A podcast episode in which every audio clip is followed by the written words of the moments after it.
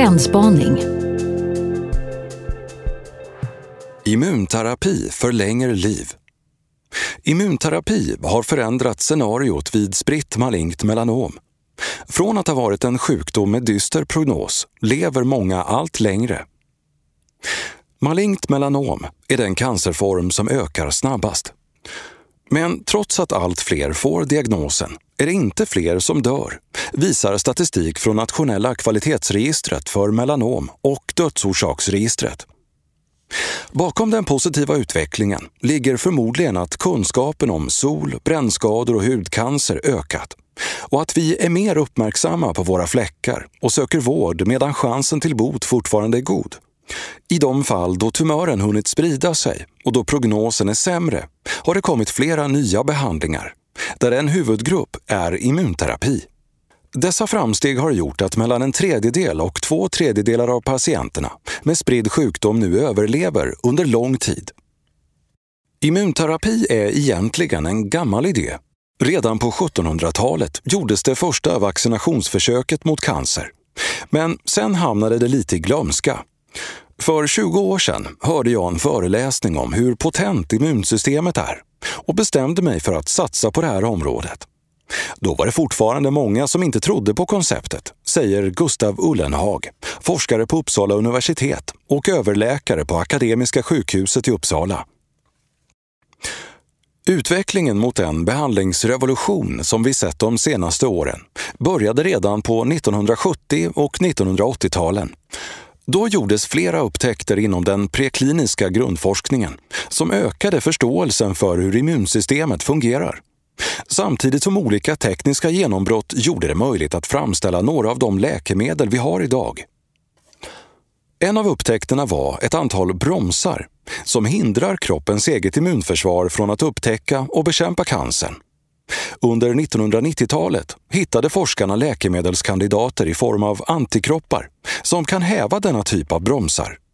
Och i början av 2000-talet försökte flera läkemedelsbolag att få fram sådana läkemedel vid spritt malignt melanom. Malignt melanom passar bra för immunterapi för tumörerna har många mutationer som gör det lättare att få immunförsvaret att reagera mot cancern det är vanligt att patologen ser en immunreaktion i tumören och att vi ibland inte hittar ursprungstumören, sannolikt för att det redan finns ett immunförsvar som är igång. Det kan vi då bygga vidare på, säger Gustav Ullenhag. De första immunterapierna riktade sig på en broms som kallas CTLA4. Resultaten ansågs först dåliga eftersom tumörerna inte krympte men 2010 visade långtidsuppföljningar att flera av patienterna som prövat de nya behandlingarna i läkemedelsstudier fortfarande levde efter två år, trots att deras förväntade överlevnad bara var några månader. Ett år senare, 2011, godkändes det första läkemedlet. Idag vet man att ett positivt behandlingsresultat inte måste innebära att tumören försvinner, utan att immunförsvaret kan klara av att hålla cancern i schack ändå. Fyra år senare, 2015, kom en ny grupp immunterapier som riktade in sig på en annan broms, PD1. De krympte tumörerna mer och medförde längre överlevnad än den första typen och dessutom med mindre biverkningar. Snart därefter kunde forskarna konstatera att resultatet för vissa patienter blev än bättre om man kombinerar de två typerna av immunterapier. Parallellt med denna utveckling har det visat sig att uppemot hälften av alla hudmelanom har en mutation som kallas BRAF. För denna variant har man utvecklat en annan typ av läkemedel som verkar inne i cancercellen och blockerar en viktig signalväg, så kallade målinriktade läkemedel. Även här har utvecklingen gått från behandling med ett läkemedel 2013 till att sedan 2016 kombinera med två läkemedel. I snitt har det kommit en ny behandling varje år. Antingen nya läkemedel eller nya kombinationer. Det största framsteget hittills tycker jag är PD1-hämmarna. Vi kan ge dem till de flesta melanompatienter och de tolereras oftast väl, säger Gustav Ullenhag. I takt med att behandlingen utvecklats har fler patienter fått längre liv med immunterapi. Jag skriver fortfarande i journalen att det inte finns några tecken på sjukdomsprogress, men det är troligt att många patienter faktiskt är botade, säger Gustav Ullenhag. Men det bästa är förstås om cancern aldrig hinner spridas i kroppen. I ungefär 15 procent av fallen har sjukdomen hunnit sprida sig och då upptäcks återfallet ofta inom tre år. Det är dessa patienter som har nytta av den nya generationens behandlingar. De övriga cirka 85 procenten är botade men har förutom risken för återfall en flerfaldigt ökad risk att utveckla ett melanom till och bör därför följas upp.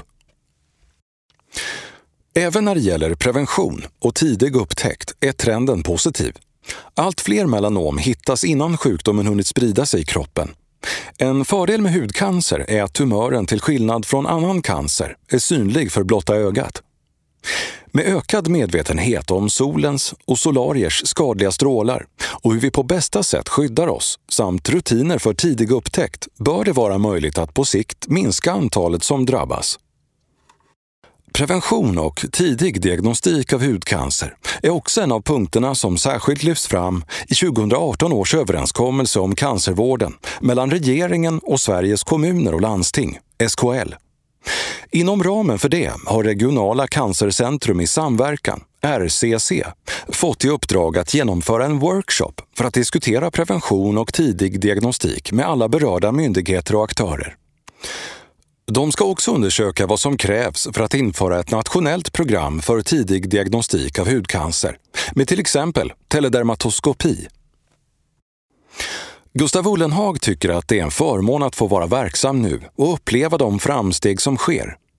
Men trots att utvecklingen gått snabbt och prognosen för många patienter med spritt malignt melanom förbättrats återstår flera utmaningar, konstaterar han.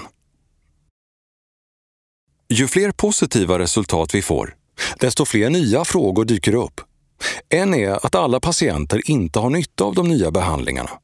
Några är resistenta från början, andra får en liten förbättring innan cancern blir okänslig för behandlingen.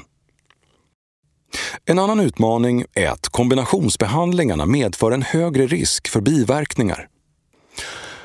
Vi behöver lära oss vilken patient som har nytta av vilken behandling vem som kommer att svara, men också välja bort dem som får väldigt svåra biverkningar, säger Gustav Ullenhag. I takt med att allt fler patienter lever allt längre har läkarna också börjat diskutera frågan om det går att avsluta en behandling som fungerar och i så fall när. Vi har diskuterat detta i grupper, både i Sverige och i Norden. Jag tror inte att vi kommer att kunna sätta samma tidsgräns för alla, utan vi måste bedöma patienterna individuellt. Hos de som får ett komplett svar av behandlingen kan vi avsluta snabbare än hos de som inte får det, säger Gustav Ullenhag. Han ser positivt på utvecklingen hittills och tror att den kommer att fortsätta. Forskning om nya, ännu bättre behandlingar pågår inom flera spår parallellt. Förebyggande, adjuvant behandling innebär att man ger läkemedel till vissa patienter efter att de opererats för att förebygga återfall. Flera studier har genomförts de senaste åren, men ännu finns ingen godkänd sådan behandling i Sverige. Vid till exempel bröstcancer har adjuvant behandling funnits i flera år och gjort att överlevnaden har förbättrats. Jag tror att adjuvant behandling kommer att bidra till att vi om några år har patienter som botas från spritt malignt melanom, säger Gustav Ullenhag.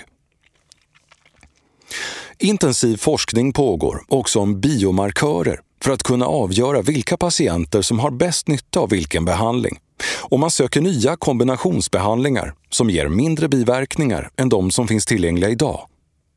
Möjligheten att ge immunterapibehandlingen en extra skjuts genom att tillföra cytostatika samt vaccin där man sprutar in ett genkodande virus i en metastas och på så sätt omvandlar den till ett individuellt vaccin är andra forskningsspår. Om fem till tio år tror jag att det har kommit nya immunterapier som är ännu bättre och med mindre biverkningar än idag. På ännu lite längre sikt tror jag också att incidensen av malignt melanom kommer att gå ner. Vi är mycket mer medvetna om faran med att bränna oss i solen och skyddar våra barn bättre, säger Gustav Ullenhag.